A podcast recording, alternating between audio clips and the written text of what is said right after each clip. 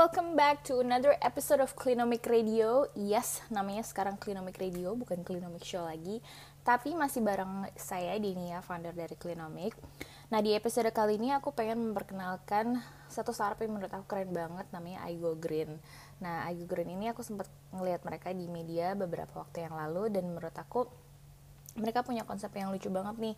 Jadi, uh, mereka mengembangkan satu aplikasi di mana melalui aplikasi itu kamu bisa memanggil semacam ojek online untuk datang ke rumah kamu dan mengambil sampah yang sudah kamu pilah dan pisahkan. Terus kemudian kamu akan kasih duit. Keren banget kan? Dan penasaran dong, makanya simak terus interview aku bareng sama Mas Wahyu, founder dari Ago Green di episode kali ini. Uh, jadi Mas Wahyu boleh tolong diceritain dong uh, kenalan dulu sama teman-teman di uh, audiensnya Klinomik, uh, I Go Green tuh apa sih? Oke, okay. um, halo, saya Wahyu, founder dan CEO I Go Green. I Go Green itu adalah usaha sosial yang bertujuan untuk mengatasi masalah sampah, terutama masalah sampah plastik. Karena Indonesia adalah negara penghasil sampah plastik terbesar nomor dua di dunia setelah China. Jadi kita berpikir solusinya apa ya kalau saya pribadi waktu itu kalau cuma ngeluh, komplain, mengkritik pemerintah, ya itu nggak membuat sesuatu menjadi lebih baik. Terus saya berinisiatif, apa nih actionnya, apa yang bisa aku kontribusikan. Nah, saya merintis uh, Eco Green ini bersama teman-teman. Jadi kita buatkan sebuah uh, platform, uh, sebuah aplikasi untuk membantu masyarakat menjual sampahnya secara online. Sampah itu nanti dijemput ditimbang dibayar cash. Nah itu adalah suatu bentuk dari kalau di luar negeri itu ada konsep circular economy mbak. Mm-hmm. Circular economy adalah konsep yang memandang bahwa sampah itu sumber daya. Kalau sekarang ini kan orang berpikirnya sampah itu nggak berguna, jadi cenderung untuk dibuang sampah sembarangan. Nah di dalam konsep circular economy sampah adalah sumber daya. Ini ber uh, kalau selama ini kan linear ekonomi mbak, misalnya botol plastik itu diambil dari minyak bumi kemudian diproduksi setelah diproduksi jadikan bahan kemasan air mineral air mineralnya kita minum botol plastiknya nyampah di TPA misalnya nah itu mm-hmm. linear ekonomi kalau circular ekonomi itu melingkar yeah. jadi botol plastik tadi uh, didaur ulang menjadi produk-produk yang bernilai tanpa menjadi sampah nah aplikasi Eco Green adalah implementasi dari circular ekonomi tersebut Oke. Okay. Gitu, Terus uh, Mas Wahyu waktu pertama kali mau bikin si I Go Green ini gimana hmm. tuh ceritanya? Kan uh, saya backgroundnya accounting management di perusahaan farmasi. -hmm. Jadi waktu itu 2017 itu masih saya masih ide, masih ide konsep gitu. Nah, di 2017 itu saya mulai mempelajari bisnis daur ulang sampah secara supply chain manajemennya itu gimana sampah apa aja yang bernilai kemudian pengelolaannya gimana terus dijualnya ke mana distribusikannya nah setelah saya paham problem-problem di bisnis sampah daur ulang ini supply chain manajemennya bagaimana. Nah saya yakin nih apa namanya uh, bisa jalan dengan pakai aplikasi.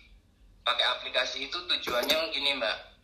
Kalau di bisnis konvensional itu sampah itu didapat dari TPA jadi pemulung dari pemulung terus ke pelapa istilahnya ke depot-depot baru ke pengumpul besar terus ke pabrik gitu. Jadi panjang sekali rantai distribusinya. Mm-hmm. nah sedangkan problem sampah di Indonesia itu sebenarnya tuh bisa selesai kalau di sumber itu sudah memilah sampahnya jadi yeah. misalnya rumah tangga, sekolah, hotel, restoran, kalau mereka mau memilah sampahnya, problem sampah kita bisa di apa tuh bisa diminimalisir gitu. Yeah. Nah kita e, mendorong orang-orang masyarakat e, termasuk instansi untuk memilah sampahnya di sumber.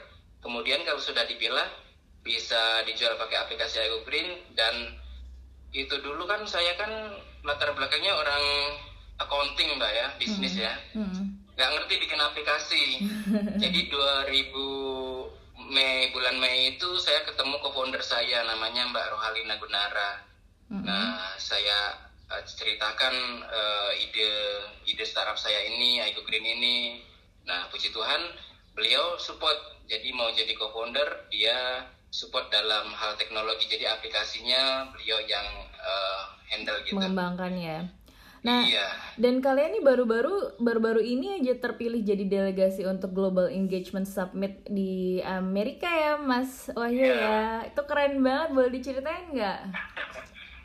Memang startup itu kan modalnya masih dikit mbak ya, nggak hmm. nggak banyak bootstrap, patungan dari tabungan kita waktu kerja di perusahaan gitu. Hmm. Nah, sedangkan startup ini harus uh, akuisisi user, pengenalan, edukasi ke masyarakat, itu kan butuh biaya besar, sedangkan yang kita miliki terbatas. Nah, kita berpikir dari mana untuk mendanai aktivitas kita itu.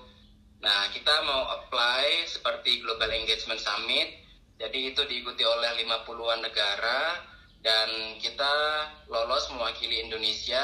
Nanti kita akan presentasikan uh, iGo Green ini sebagai solusi inovatif dari Indonesia untuk mengatasi masalah sampah.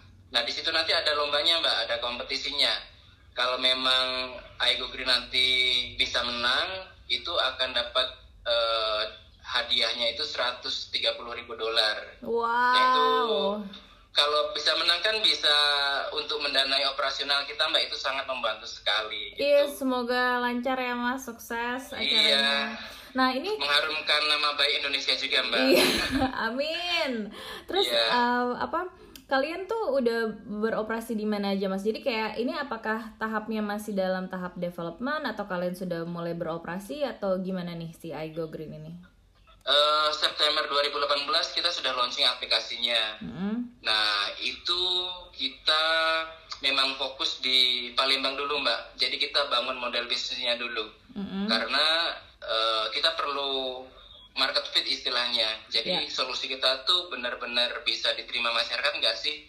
Orang mau pakai aplikasi Agu Green nggak sih kayak gitu. Nah, nah ternyata uh, sambutan masyarakat sangat baik. Hmm. Jadi uh, jumlah download kita udah seribu lebih, misalnya sampai dengan hari ini. Kemudian sudah ada hotel, restoran, rumah tangga, sekolah yang pakai aplikasi Agu Green dan mereka sudah mulai rutin. Nah, uh, jadi sekarang terus berkembang terus mbak aplikasinya di iOS atau baru Android aja mas untuk saat ini masih di Android oke okay. iya terus boleh diceritain nggak kayak flow-nya nih jadi misalnya uh, karena saat ini kan masih beroperasi di Palembang ya. Jadi yeah. kalau misalnya aku berangan ber uh, angan-angan misalnya aku lagi di Palembang nih terus aku okay. download aplikasinya iGo Green itu tuh uh. prosesnya tuh sampai aku bisa dapat uh, hasil penjualan dari sampah itu tuh kayak gimana sih? Boleh diceritain nggak Mas Wahyu? Oke, okay, jadi pertama download di Play Store iGo Green, nanti daftar seperti uh, aplikasi pada umumnya Nah, di dalam aplikasi itu ada menu informasi harga dan jenis sampahnya, Mbak. Mm-hmm. Itu untuk mengedukasi masyarakat bahwa ya ternyata sampahku ini bernilai loh, botol plastik, mm. kaleng, itu semua ada nilai jualnya. Misalnya, okay, misalnya berapa, Mas? Botol uh, aqua air mineral itu ya, itu 3000 sekilo. Mm-hmm. Kemudian okay. yang kaleng-kaleng Pocari Sweat, Coca-Cola, soft drink ya, yeah. aluminium itu 8.000 sekilo. Kemudian uh, kertas kardus dan sebagainya itu seribuan sekilo. Nah itu semua di situ ada detail detail. Jadi orang tahu sampah mana aja nih yang bisa didaur ulang yang bernilai jual berapa harganya gitu. Asik. nah kalau sudah dapat uh, informasi itu pemahaman sampah apa aja yang bisa mereka jual nah mereka kan nanti akan memilah mbak di, di sumbernya masing-masing mm-hmm. mereka akan pilah jadi disiapin dulu sampah tadi itu dalam keadaan bersih dan kering okay. kan nanti kan yang jemput itu uh, bawa timbangan mbak ditimbang kemudian dibayar cash nah oh, jadi sampahnya ya? itu harus dalam kondisi kering supaya beratnya apa namanya benar nggak salah. Kalau salah kan nanti kami rugi. Jadi kalau misalnya gitu. dalam dalam kondisi kering tuh maksudnya apakah sampahnya yang kita kumpulin di rumah itu harus dicuci dulu terus dijemur atau gimana tuh mas? Uh, yang penting bersih sih. Bersih itu dalam arti gini kan nanti kan disimpan di tempat dulu tempat penampungan sementara. Mm -hmm. nah biar apa namanya nggak bau nggak apa namanya secara estetika tetap tetap baik. Makanya di dibersihkan dulu. Maksudnya nggak nggak harus dicuci kayak dicuci pakai sabun nggak. Tapi ada juga sih yang ibu-ibu yang benar-benar dicuci dijemur dikeringkan. Tapi kami nggak menuntut hal itu. Karena nanti toh waktu kita diolah itu nanti dicuci juga.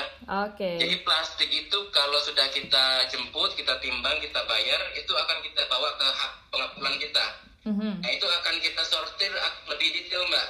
Plastik itu macam-macam. Ada yang polyethylene terephthalate itu botol plastik. Yang cup gelas itu polipropilin. Yang bekas botol sampo dan sebagainya itu HDPE. Nah itu kita sortir, pilah per jenisnya. Kemudian kita cacah mbak. Kita cacah itu sekaligus dicuci. Oh, Oke, jadi kalian emang juga Gitu. punya fasilitas pengelolaan uh, plastiknya ini ya, Mas Wahyu? Kita kerjasama dengan mitra kita. Oke, oke, oke. Gitu. Nah, dari dari situ terus dibawa ke mana, Mas, sampahnya? Nah, hasil cacahan tadi itu akan menjadi bahan baku pembuatan biji plastik. Oke. Nah, biji plastik itu adalah bahan baku untuk dibuat produk-produk yang terbuat dari plastik. Misalnya kursi plastik, misalnya gayung, ada bola plastik, macam-macam, Mbak.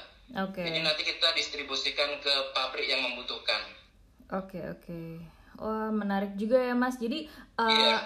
aku tuh sebenarnya udah sempat uh, lihat beberapa uh, startup yang mirip uh, mekanismenya sama Mas Wahyu. Cuman ada be- ada beberapa yang cuman uh, ngambil doang. Justru malah ada juga yang untuk ngambil sampah kita kita harus bayar ke dia. Tapi kalau baru baru yang ini nih yang yang barangnya dijemput terus kita dapat duit gitu, dibayar lagi ya. Iya. Duh, luar kan biasa nggak banget, Mas. Dapat duit, nyelamatin lingkungan.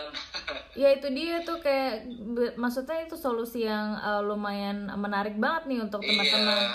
Kapan nih kira-kira Mas bisa ekspansi ke Jakarta atau kota-kota Iya. besar lainnya?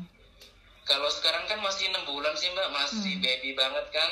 Jadi memang kita masih bangun model bisnisnya gitu. Mm-mm. Misalnya kalau sekarang kan user aktifnya belum banyak mbak, cuman 50-an gitu. Tapi itu sebenarnya sudah mempresentasikan bahwa masyarakat tuh mau, tinggal kita dikasih dana yang cukup untuk membesarinya gitu. Nah, nah itu kan kita masih eh, sambil jalan nyari nyari funding seperti kita ke Amerika kayak itu untuk mencari dana untuk kita membesar mengembangkan startup kita. Mm-mm. Nah memang kita akan fokus di Palembang dulu membangun model bisnisnya dulu Pak. Kalau sudah market fit sudah udah oke nih banyak penggunanya, eh, baru kita akan expand gitu. Berarti kita butuh bantuan teman-teman yang berdomisili di Palembang untuk download aplikasi iGo Green. Semakin Iya. banyak yang kalian download, jadi semakin Iya. cepat bisa pindah ke Jakarta juga ya Mas ya. Benar, semakin cepat kita apa namanya ketemu model bisnis yang tepat gitu.